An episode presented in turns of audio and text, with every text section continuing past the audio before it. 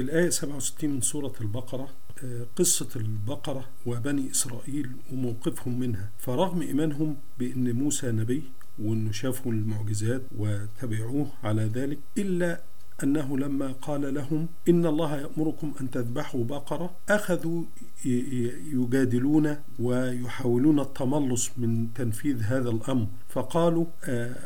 أتتخذون هزوة ثم قالوا ادعوا لنا ربك يبين لنا ما هي ثم قالوا ادع لنا ربك يبين لنا ما لونها في حين انهم لو كانوا ذبحوا اي بقره كان الموضوع تم وانتهى لكن كثرة الجدال هنا ولدت التعسير فهذا هو الدرس الذي نستفيده من هذه القصة